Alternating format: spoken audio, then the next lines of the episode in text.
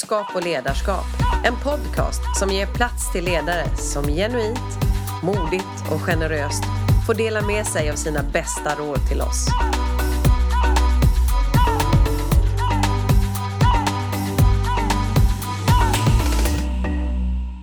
Idag ska vi se vad en eh, tanke eller eh, en idé kan bli av utifrån att eh, en och flera personer börjar prata om det och utveckla det. Och jag har med mig idag i studion Shanga Aziz. Välkommen! Stort tack! Och du är ju ordförande i Locker Room Talk.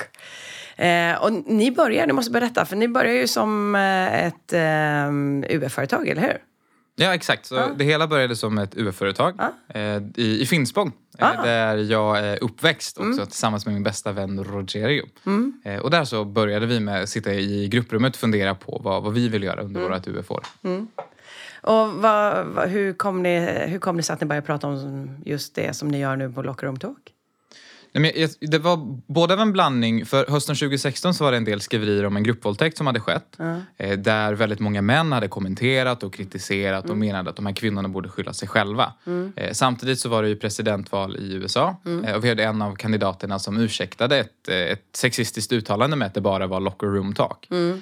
Och det tog mig och Roche tillbaka, som är medgrundare till Locker mm. room talk, till många av de omklädningsrummen där vi har suttit i och fått höra hur snacket kan låta när vi killar ses tillsammans. Mm. Och där det finns alla de här förväntningarna på hur vi ska bete oss och vad vi ska säga och snacka illa om andra. Mm.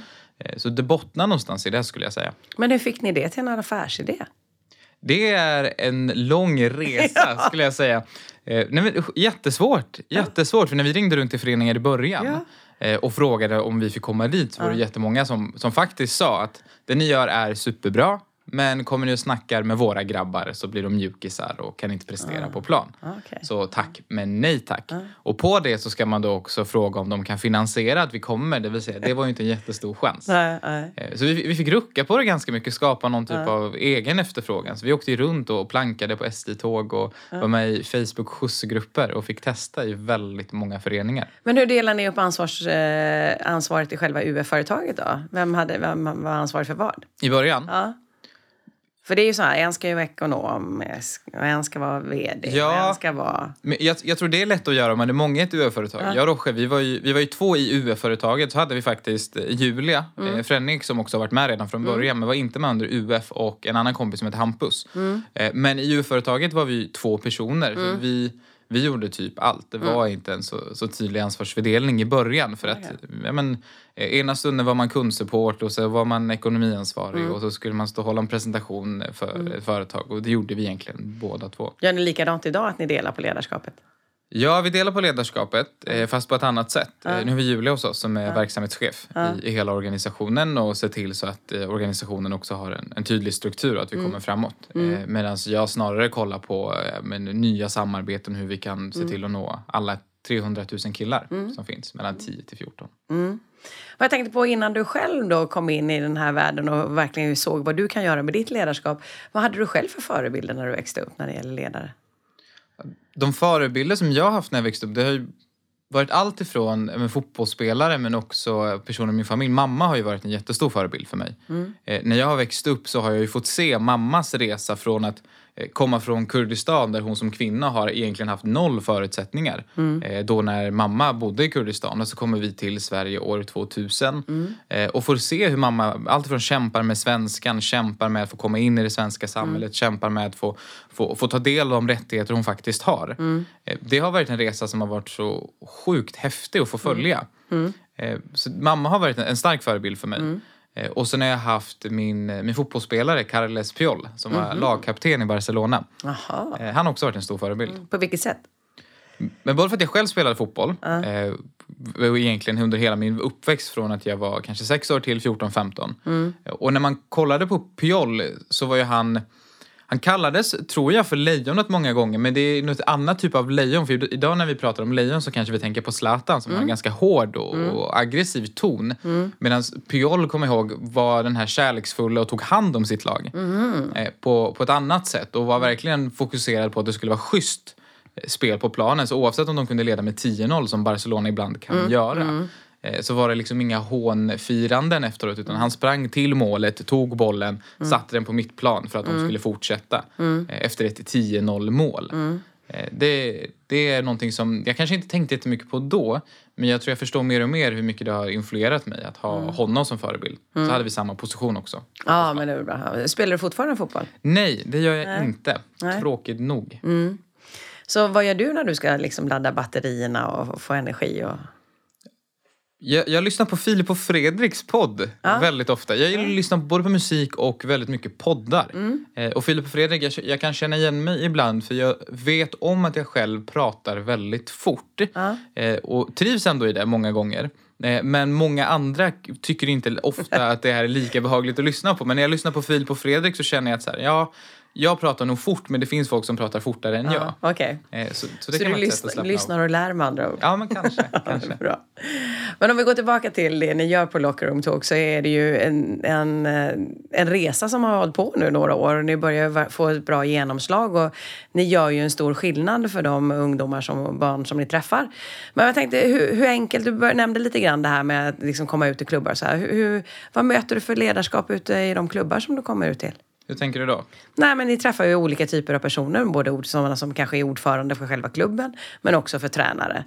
Och jag tänkte, tycker alla då som du säger, några sa du, nej ni får inte komma hit eller jag vill inte ha er här. Liksom.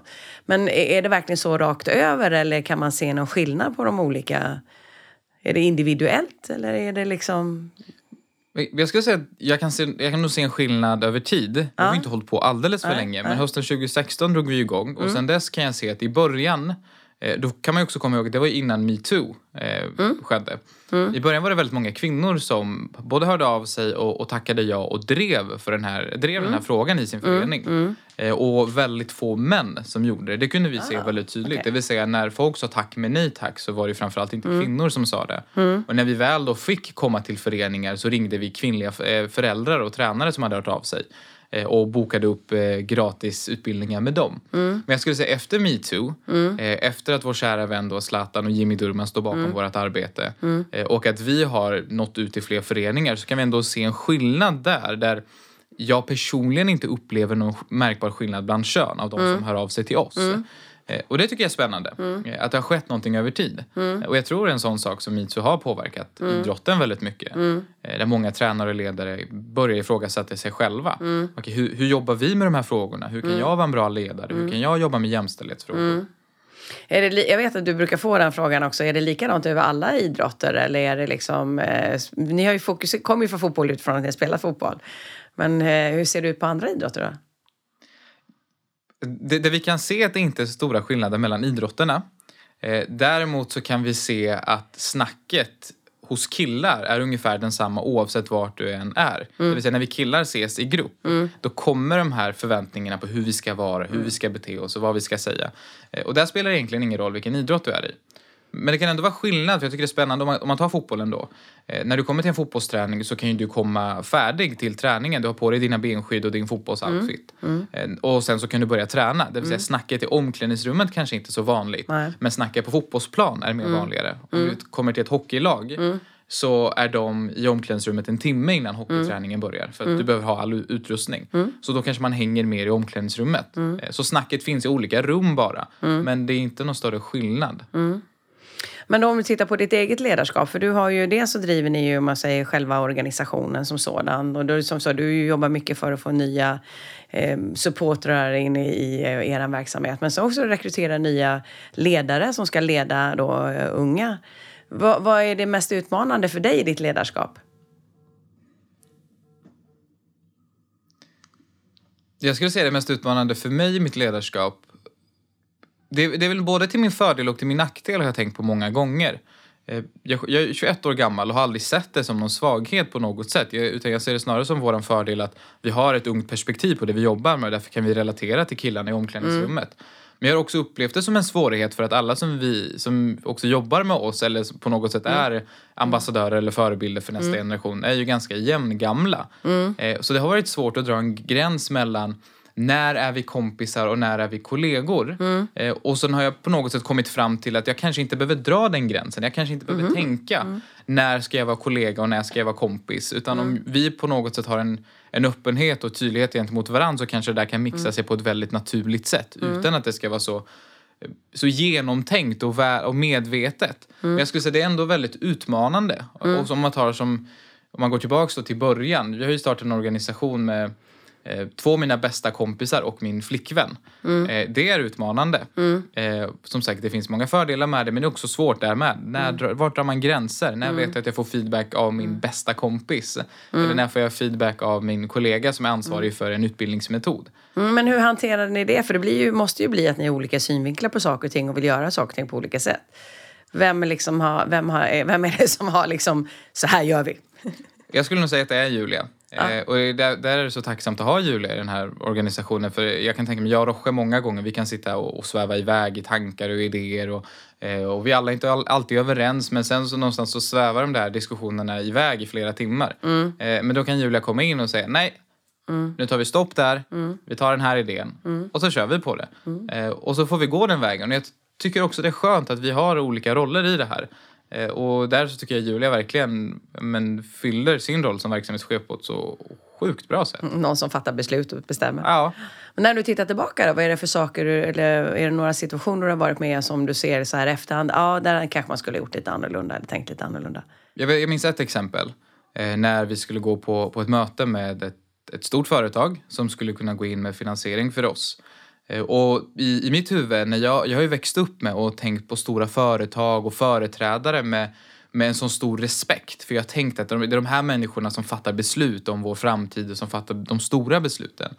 Eh, och gick då nog in med den mentaliteten också och tänkte att de kommer veta allt och jag måste leva upp till alla förväntningar som finns på mig. Och jag, jag, om, om man känner mig så bär jag ju aldrig någonsin kostym. Eh, men, men då kom jag med kostym på det här mötet.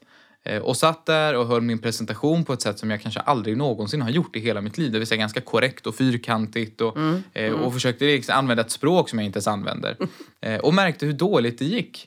Eh, för att det var ju inte någon avspegling av hur det var i omklädningsrummet. Och jag märkte också att de som satt där hade ju egentligen ingen aning om hur de skulle kunna jobba med jämställdhet. Och den kunskapen satt jag på. Jag hade kommit med tre tydliga förslag på så här skulle ni kunna jobba med jämställdhet på ert företag. Men här har vi då med företrädare för ett av våra största företag som jag tänker att det här borde de ha stenkoll på. Eh, Så jag tror hade jag fått göra om det så hade jag egentligen inte, kanske inte så brytt mig både så mycket om hur, hur jag hade pratat, inte jättemycket om vad jag hade haft på mig och gått in där med en säkerhet att här sitter jag på en information eh, som väldigt få kanske gör och framförallt i det rummet. Eh, Det hade jag ändrat på. Fick du möjlighet att visa dem de här broarna som de kunde göra för att jobba mer med jämställdhet, eller hur? Ja, men jag, jag tycker det, och det där jag insåg att frågorna kom ju till oss. Hur ska vi göra? Ah. Mm. På vilket sätt kan vi implementera det här i vår verksamhet? Och, och, och där någonstans så kom jag också till insikt om att ja, men det är ju jag som Mm. har lösningen just i här, den här situationen. Jag behöver inte göra mig till på något annat Mm. sätt. Utan här har vi någonting väldigt bra som vi föreslår. Jag behöver inte anpassa mig på något annat Mm. sätt. Vad jag tänkte på när du ser tillbaka då, vad är det du känner att du är mest stolt över? Det jag är mest stolt över det är att vi, vi har ändå fortsatt. Alltså, som sagt, när vi drog igång så, så var det inte jättemycket diskussion kring, kring jämställdhet i samhället. Och så kommer jag och Roche, Roche med vi båda liksom två grabbar från Finspång som har tagit fram en utbildningsmetod. Eh, och vi säger att den här ska vara en del av svensk idrott. Eh, och snacka om att det var människor som sa nej. Som sa att det här var dåligt, som sa att vi inte skulle fortsätta. Eh, men hur hanterar du det då när de kommer? För de gör ju det med goda intentioner. De vill ju väl. De vill ju att ni ska lägga tiden på någonting som de tycker är viktigt. Jag skulle nog säga att det, i stunden, jag, jag, jag tror det kommer väldigt mycket från, eh, från min mamma där med den här envisheten. För ofta så tänker jag på den i efterhand. Eh, det vill säga där och då, när någon sa nej så tänkte jag okej hur, hur kan vi gå vidare på något annat sätt på det? det vill säga, jag, jag tänker sällan på att det slår mig hårt i stunden. Eh, men när jag väl har, när jag har gått en tid och jag kan blicka tillbaka så inser jag, ja ah, just det, det var väldigt många människor som stängde dörren och vi fortsatte bara. Det var ändå riktigt häftigt. Men också de här jobbiga känslorna kan ju komma i efterhand för mig. Så där och då i stunden tror jag jag lätt hamnar i att jag vill lösa det på, på ett eller annat sätt och blir väldigt envis. Och det tror jag kommer från mamma. Ja, bra. Så envishet och uthållighet är bra Ja, med andra. verkligen. Det är skönt. Eh, så det är den som du känner att du är mest stolt över egentligen, att du har kvar och orkar att fortsätta lite till? Mm, helt mm. klart. Men jag tänkte på också det, som sagt var, ni har ju många, det är många av era utbildare som är yngre. De är ju knappt några år äldre än de killarna som de träffar. Så hur, hur liksom, vad har du för tips då när det gäller att hantera auktoriteter? För det blir ju också både från föräldrar kan jag tänka mig, men också från tränare eller annan personal som reagerar och har åsikter. Hur, hur förbereder man en, liksom, en, en ung vuxen på att hantera det?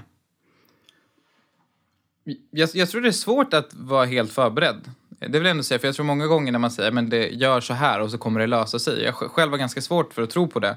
Men jag tror just att komma till insikten om att jag som ung eh, sitter på en, en så unik kunskap som många andra inte gör oavsett vilken, vilken roll man har. Om man har en jättefin titel eller inte så spelar inte det någon jättestor roll för att om jag tänker då i vårat fall, alla våra utbildare mellan 18 till 25. Mm. Jag är helt säker på att den här 18-åringen som är våran utbildare mm. har mycket bättre koll på hur man når en 14-årig kille mm. i ett omklädningsrum. Mm. Eh, men tar vi in en forskare som kanske är dubbelt så gammal mm. eller tre gånger så gammal, mm. eh, som är forskare i jämställdhet och genusfrågor, så är jag inte alls lika säker på att den personen når våra grabbar i omklädningsrummen. Men har du varit med om någon sån situation själv när någon har blivit liksom rätt upp och har sagt bara nej men det här tycker jag inte om om. Det här tycker jag inte är bra. Hur, hur tänker du då? Som jag, Nej, någon tränare ifrån? eller någon förälder som har reagerat. Jag, jag, tänker nog inte så mycket på omklädningsrummen i första hand då. Jag tänker på när jag och Roche, vi, vi gick ju vidare i EM i UF. Och så tog vi oss till Bryssel. Mm. Och där så stod vi i våra montrar och så var det ju representanter från varje land i Europa som var med och tävla. Och så skulle man få besök av en, en känd då, eh, minister eh, som kom eh, från Europa. Och han hade då valt ut tre uppstickare. Och då var ju vi från Sverige en av de uppstickarna. Och då när han kommer till våran monter Eh, det första han gör då, vi har ju team med oss från Sverige, så har vi bland annat Malin som jobbar på UF-kontoret. I det här fallet är det viktigt att då veta att hon har blont hår. Eh, så det han gör då, den här eh, stora företrädaren, han går fram till Malin och så säger han tack Sverige för att ni gör ett fantastiskt jobb. Och det här livesänds medan han gör det här besöket. Så han går fram till Malin och tackar henne för ett fantastiskt jobb kring Locker Room Talk. Jag och Roche, vi står bredvid. Eh, och så säger Malin, eh, men det är inte jag som driver det här utan det är de här två grabbarna. Eh, då vänder han sig till oss och så hälsar han på oss och det första han säger till mig och Rocco då det är att ni ser inte ut som svenskar. och, och där så vet jag i alla fall att Roche sa väldigt tydligt Nej, det kanske vi inte gör, men vi vann i alla fall årets UF-företag i Sverige så vi är bäst i, i vårt land. och det tycker jag är väldigt roligt ja. att få den diskussionen med, med den mannen. Men där också tror jag jag har fått en annan bild av de som kanske tar beslut mm. åt oss. Inte mm. en dålig bild, men kanske snarare att de inte alltid har rätt eller sitter på rätt information eller är uppdaterade för, Nej, för den delen. Nej, Nej det, är, det är ju speciellt. Hur gick det för er då? Eh, vi tog hem ett silver ah, till Sverige. Härligt. Ah, skönt. Mm. Så vi är bra på det här med entreprenöriella tankar och idéer i Sverige man Ja, men jag tror det. Mm. Vi är mm. nog också bra på jämställdhetsfrågor många gånger. Mm, mm. Vad upplever du den största utmaningen för er just nu? Det får folk att fatta fortfarande. Mm. Det vill säga, i, inom tre år så har vi satt som mål att vi ska träffa 21 000 killar mm. mellan 10 till 14. Mm. Eh, vårt stora mål är att träffa 300 000 killar. Mm. Och när jag sitter med eh, företag idag igen mm. och presenterar vår idé och har visat då på hur bra vi har jobbat i omklädningsrummen och kan göra skillnad. Det vill säga när vi börjar så vet killarna så här mycket, när vi slutar så har de lärt sig A, B, C, D, E. För mig så tycker jag det är tillräckligt. För här visar, på en sam här visar vi på en stor samhällsskillnad i mm. beteendemönster. Mm. Men många tycker inte att det räcker. Men skulle jag komma med en idé på att vi har nu ett projekt som vi kallar för Lockroom Talk 2020. Där vi har som mål att vi ska bli en av Sveriges mest omdebatterade nyheter under nästa år. Mm. Eh, när jag presenterar en sån idé, då blir det jättespännande för, för många samarbetspartners. Det vill säga att när man vill vara med på en resa om att man ska få, få ta del av någonting storslaget, mm. då är det, det finns ett större intresse för den idén än idén om att utbilda fler killar i omklädningsrum. Mm. Och det är för mig så svårt att få ihop, samtidigt som jag kan förstå. Mm. Men det går ändå inte ihop och det gör mig så ja, men sjukt frustrerad. Mm. Och det skulle jag säga är en av våra största utmaningar. Eh, för att oavsett vad hur vi som ideell organisation behov av stöd. Mm. Eh, och om man inte förstår varför vi gör det vi gör mm. så har vi en jättestor utmaning. Ja, och det är klart att det är som du säger, det, det ekonomiska intresset eller den förmedel man kan få talar ju väldigt högt i de här sammanhangen också. Men ni är ju extremt värderingsstyrda. Eh, och värderingar har vi ju alla olika. Så jag tänkte de här killarna som ni träffar då, för de, de har ju också olika värderingar med sig hemifrån och så vidare. Hur hanterar man när människor har olika värderingar? Det blir ju lätt konflikter. Jag tänker när vi, när vi sitter i omklädningsrummen, jag kan bara ta ett exempel mm. från ett lag som, som jag har träffat mycket i handbollen. Mm. Eh, där, om vi, om vi tar från pass ett, där fokus under första passet är att lära känna varandra. Mm så kan ju det passet och pass nummer två, och pass nummer tre och pass nummer fyra vara ganska röriga. Det vill säga vi är olika människor i ett rum, alla tycker olika. Eh, några vill gärna ta plats, några vill inte ta plats. Men när man jobbat fyra, fem veckor med ett lag och har fortfarande några veckor kvar. Det är då jag själv märker att någonting ändras. Det är då jag får frågor både från den personen som tar väldigt mycket plats men mm. också från den personen som inte tar lika mycket plats mm. kring påhittade regler som vi pratar om mm. i omklädningsrummet. Vad betyder de mm. egentligen? Och killar som öppnar upp sig med sina egna känslor. Mm. Det vill säga, ja, men jag, det var en kille som nu senast i just i det laget eh, som berättade för första gången att, att han hade cancer. Eller förlåt, att hans mamma hade cancer. Mm. Eh, och eh, det har han inte berättat för sitt lag mm. innan förrän i session sju med mm. oss. Och då blir det ett jättefint samtal. För mm. då har vi bara veckorna innan övat på hur man kan stötta någon som har det tufft eller som mm. går igenom en tuff period i sitt liv. Och vi mm. märker hur resten av laget, eh, alltifrån peppar, kramar, men liksom en klapp på axeln efteråt. Mm. Och att det blir ett fint samtal i det där rummet. Mm. Eh, så jag tror att man också i vårat fall behöver acceptera de där olikheterna och, och dra nytta av dem. Mm. För att ger man det lite tid så har vi märkt också att det, det blir en skillnad oavsett mm. vart vi kommer ifrån eller vilka värderingar vi har i grund och botten. Men det tänkte jag också på, oftast när man kanske, man har tittat tillbaka också när man själv växte upp så var det ju vissa, eh, framförallt och killar som drevs av det här med att eh, få bekräftelse genom att höra och synas. Eh, sen så blev det ju också, kanske, ju mer de gjorde eller ju värre det blev, ju mer bekräftelse fick de. Inte kanske den, av den positiva arten utan mer av den negativa. Så hur hanterar man det? För ni måste ju också träffa barn som har fått mycket det här med att vara tyst eller sitt still och liksom allt det här som kan vara. Som har fått kanske uppmärksamhet för allting som de gör som inte är så kallat bra då. Men någonting som jag upplever det är att om jag tar omklädningsrummet som exempel då, den personen som du beskriver upplever vi många gånger är van med att det ska bli en väldigt dramatisk eh, stund kring den personen. Det vill säga, är jag den som vill ta plats eller säger ifrån eller liksom ska vara lite stöddig mot den som handleder. Om jag gör en scen av det eller så här, stoppar passet eller går ut därifrån och säger du ska vi ta ett snack du och jag. Då får ju den personen ett bemötande som den vanligtvis alltid får. Mm. Eh, och här försöker vi snarare liksom vända på det här och inte göra en så stor grej av det. Mm. Utan snarare visa att så här, jag ser dig, jag ser att du är här i det här omklädningsrummet. Jag ser att du finns men inte behöver en jättestor grej kring det. Mm. Och jag tror bara man får den här bekräftelsen att, att man blir sedd men mm. inte att det blir en stor dramatisk scen runt omkring dig mm. är på, på, många sätt en game changer för de här människorna. Mm. Eh, att man bemöts på ett helt annat sätt. Och tar man då våra utbildare som är jämngamla och har ett liknande mm. språk och liknande erfarenheter så har man kanske också en kompis mm. man kan identifiera sig med. Jag vet någon gång så sa du det här att i den här frågan som ni jobbar för att liksom göra människor mer medvetna behöver man ibland bli lite obekväm. Mm. Eh, man blir man, lite partykille, man förstör stämningen emellanåt. Eh, och där är ju någonting som vi är ju väldigt, ja, som liksom, vi är ju uppfostrade mycket att vi ska liksom, försöka ha det trevligt och det ska vara socialt och så vidare. Så hur, liksom, hur kan man få människor lite modigare att, att våga reagera? Jag tror det handlar om att lära sig det här i en väldigt tidig ålder. Det vi lär killarna det är att istället för att ställa sig upp och vara en stor, stark, aggressiv kille som ska skrika på en annan när man vill säga ifrån så kan vi börja med att samtala med varandra. Att mm. ställa mm. frågor, att vara nyfiken och försöka förstå varandra. Mm. Jag minns själv mitt, mitt första sommarjobb var på ett äldreboende mm. eh, där jag hade då en, en som jobbade där, där och vi hade sådana morgonmöten. Mm. Eh, så varje morgon klockan nio så satt vi alla i personalen och så hade vi en av de kollegorna som var på plats som all, alltid läste tidningen mm. och skulle på något sätt briefa oss om världsnyheterna.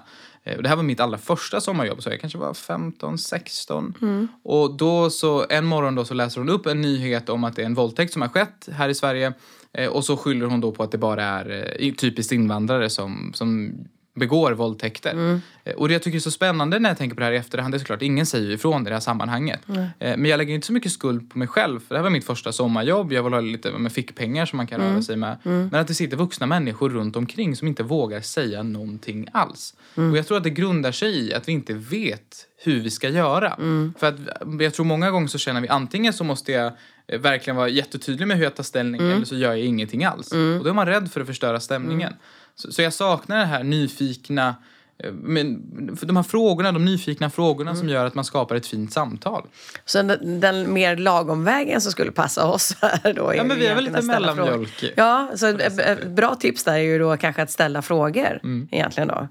Eh, och sen som sagt så, mm, man behöver ju inte vara sur när man ställer en fråga. Nej. Utan det, men det är som säger, det är viktigt på något vis att visa kanske att, eller, att, vi, att vi hör något, att vi märker någonting. Eh, bra. Ehm, vad jag tänkte på, eh, i din ledarroll som du har så har du ju ändå ett formellt ledarskap utifrån att du är ordförande och så vidare. Vad, vad, eh, och, och den gör ju att du har vissa liksom, ansvar att leva upp till och så vidare. Men vad är det du ser själv i ditt mer informella ledarskap? Hur tänker du då? Ja, som person och ledare i, den, i det sammanhanget du är.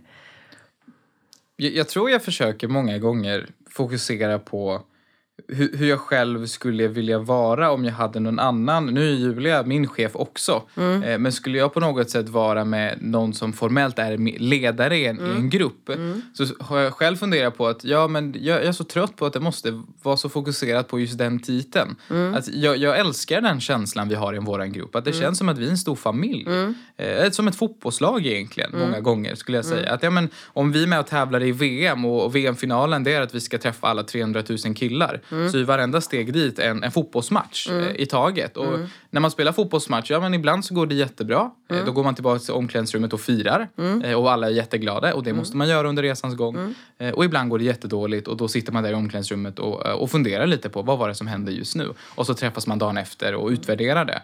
Eh, Och efter fotbollsträningen så hänger vi alla hemma hos någon och, och, och bara hänger och spelar Fifa. Så var det i mitt fotbollslag många gånger när det inte var ett skitsnack Så när firade ni senast? Och, och När firade vi senast? Vi firade när vi hade skickat en projektansökan eh, som vi inte hade fått svar på. Men vi hade jobbat med den eh, i flera månader. Ni var nöjda med att få Ja, vi var nöjda. Så, och nu, sen fick vi svar att den inte gick igenom. Men då hann vi fira en gång i alla fall. Ja, För vi precis. vann den fotbollsmatchen. Ja, precis. Eh, och, och när känner du själv senast att det var när ni fick gå tillbaka och analysera och setupen då, när det inte var så bra? Vi, vi gjorde ett projekt i, i hockeyn eh, där vi gjorde en utmaning till, hela, till alla hockeylag. Och så har vi jobbat med bland annat Växjö Lakers eh, som har varit en fantastiskt bra förening som har jobbat med jämställdhet i hela föreningen. Men då skickade vi ut en utmaning till alla hockeylag via Mikael Backlund som är vår ambassadör. Där, de, där vi sa att alla skulle jobba med jämställdhet och så hade vi då tagit fram hur de skulle göra. Eh, Och, och det jag ångrar med det är inte att vi gjorde det projektet, för det vi gjorde i Växjö var perfekt. Men att skicka ut en sån utmaning till de andra lagen utan någon förvarning, utan ens ha, ens ha snackat med dem, gör ju också att vi inte men sträcker ut handen. Det är inte alls så som jag själv vill jobba. Det vill säga att på något sätt, man, man liksom slänger dem mot väggen och hoppas på att de antingen så gör de det eller inte. Och gör de inte det så målas ju de upp som ett dåligt lag. Eh, Och det ångrar jag för det är inte alls så jag vill se på idrotten. Så om du hade skulle göra om det, vad hade du gjort då? Eh, Det jag hade gjort om det att jag hade, innan vi ens släppte den där utmaningen så hade jag pratat med varenda förening i svensk hockey och så hade vi kommit överens om att göra det här tillsammans. Så hade vi inte behövt skicka ut någon utmaning utan då hade varje lag, en, ett lag i taget gjort det här. Det är bra. Skriver du ner alla sådana här lärdomar? Nej, jag gör inte det. Det kanske är en bra idé. Ja, jag kan säga nu, jag som är några år äldre än dig, jag kan ju säga att det har jag haft stort värde av. Det finns sådana här notes du vet du kan skriva ner i mobilen. Men vart samlar, men då samlar du alla I mobilen. lärdomar? Mm-mm, I mobilen. Men, eh, i, stunden glömmer man inte bort att göra det? Nej, alltså, Eller man, li- jag lite, lite så, är- alltså, lite efteråt, en stund efteråt, skriva ner dem faktiskt. Eh, för Bra just tips. där och då så känns de ju väldigt mycket och är väldigt tydliga. Men efter någon månad så har de ju hunnit liksom grumla iväg lite grann. Så att, eh, det är faktiskt jättebra att göra för att ehm, man vet aldrig när man behöver ha Nej. en liten påminnelse om dem igen. Ja, det var ett bra tips. Mm. Jag tänkt på, eh, mycket av det som ni jobbar med är ju som sagt att, att få in nya sätt att tänka, nytt sätt att vara, eh, nytt sätt att reflektera och då blir det ju ett livslångt lärande i det. Hur gör du för att eh, liksom, hela tiden utveckla dig själv? För du är ju bra på det ni gör nu så att säga, men du ska ju inte stanna där. Jag kommer ihåg när jag och Roche, när vi drog igång eh, 2016 och så åkte vi runt till lagen i landet och pratade just om att men killar behöver vara på olika sätt. Vi måste kunna prata om våra känslor om vi vill det. Eh, Och sen så gick man från ett omklädningsrum och så satt vi på bussar och tåg på vägen hem och pratade ingenting med varandra eh, om de här frågorna. För det var ju jobbigt att gå i skolan och sen kvällstid då och, prata, och åka tåg och buss och, allt vad det innebär, land och rike. Eh, Men där någonstans så insåg både jag och det var i alla fall första liksom, gången jag minns det väldigt tydligt att efter ett tag så sa vi varför pratar vi inte om de här grejerna själva? Det vill säga kan vi verkligen stå för att lära ut till nästa generation och säga det här är viktigt men sen i nästa stund inte leva ut efter det själva. Eh, och fick helt andra typer av diskussioner. Jag fick lära känna Roche på djupet, han berättar om sina känslor. Jag får utmana mig själv väldigt mycket. Eh, och från den gången så vet jag i alla fall att jag både blir utmanad av, av Roche många gånger men också Julia. Eh, där när de, och jag tror det, det, jag tror inte jag själv är färdig på något sätt. Det är ett långt arbete. Jag är lika präglad av alla förväntningar på killar som många andra. Eh, Och det tror jag inte kommer vända nu när jag är 21. Nej. Eh, Det kommer nog ta ett bra tag. Och då behöver jag folk runt omkring mig som utmanar mig som säger, men du, eh, hur mår du just nu? Hur funkar det? Hur känns det här? För det är lätt att jag själv glömmer bort det. Mm, det är bra. Men vad är din mål, om man tittar nu då, för ni hade ett mål som du sa 2020 och så vidare, men om man tittar liksom eh, 2035 då? då? Det, det tydliga målet, vi vill träffa alla 300 000 killar mellan 10 till 14. Vi vill utbilda alla dem. Eh, Sen är vår mission det att vi ska ska, vi vill skapa en ny manlighet där killar kan vara på flera olika sätt. Eh, Och vad olika sätt betyder, det, det är att det, vi ska bara bredda perspektivet. Så vi skapar inte en ny bild och en ny ram kring hur du ska vara som kille. Nej. Eh, Och har vi skapat det, då får vi en, en värld där människor känner friheten att våga vara sig själva. Hur behöver du vara för att greja det där då? Det jag tror jag behöver göra det är precis att, att ta till mig det jag får höra från till exempel och Julia. Att utmana mig själv i mina känslor. Vad är de det- Berätta något. När, när blev du senast utmanad av dem?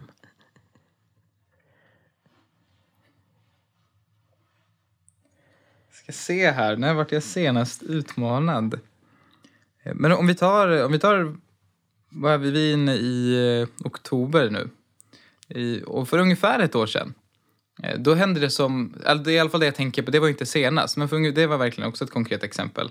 Eh, då händer det som mest kring vår organisation eh, och där så alltifrån att vi fick stöd och det varit uppmärksamhet kring oss i olika med, mediala sammanhang. Och där så sprang ju jag väldigt, väldigt fort. Och kände att jag egentligen inte visste själv hur jag kände, hur jag mådde. Eh, och jag tror att där vet jag att Julia sa väldigt tydligt så jag märker att du inte är närvarande, du är inte här på plats. Utan du svävar iväg lätt i dina tankar. Det känns inte som att du pratar så jättemycket om hur du, hur du själv mår utan du liksom bara vill vidare till nästa steg. Eh, och, och det gjorde mig också att jag fick gå tillbaks till att faktiskt börja fundera på att känna och att tillåta mig själv, den här känslan som kommer i magen och sätter sig i bröstet på något sätt. Att liksom våga, våga den kom, låta den komma och få känna de här känslorna som gör att man både kan få tillåta sig själv att gråta men också att få tillåta sig själv att förstå sina egna känslor. Eh, Och jag tror det var ändå en, en sån period som jag minns väldigt väl. Vad är du mest själv rädd för i det arbetet du gör?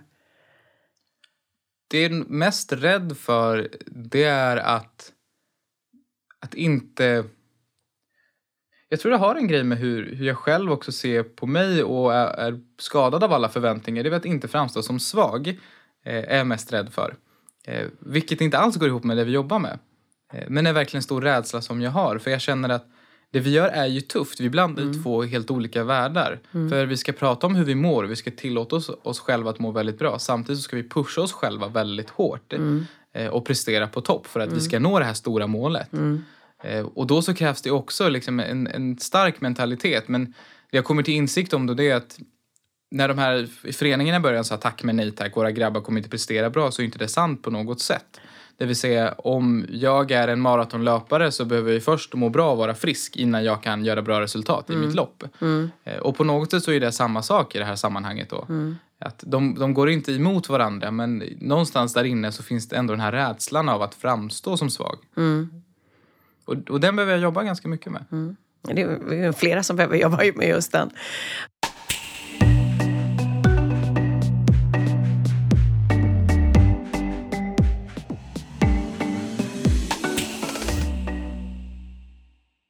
Men om vi skulle nu sammanfatta det här och ge tre bra råd då till eh, personer som jobbar med mycket värderingsstyrt eh, ledarskap och få... Eh, vad, vad, skulle du säga, vad är tre bra grejer att tänka på?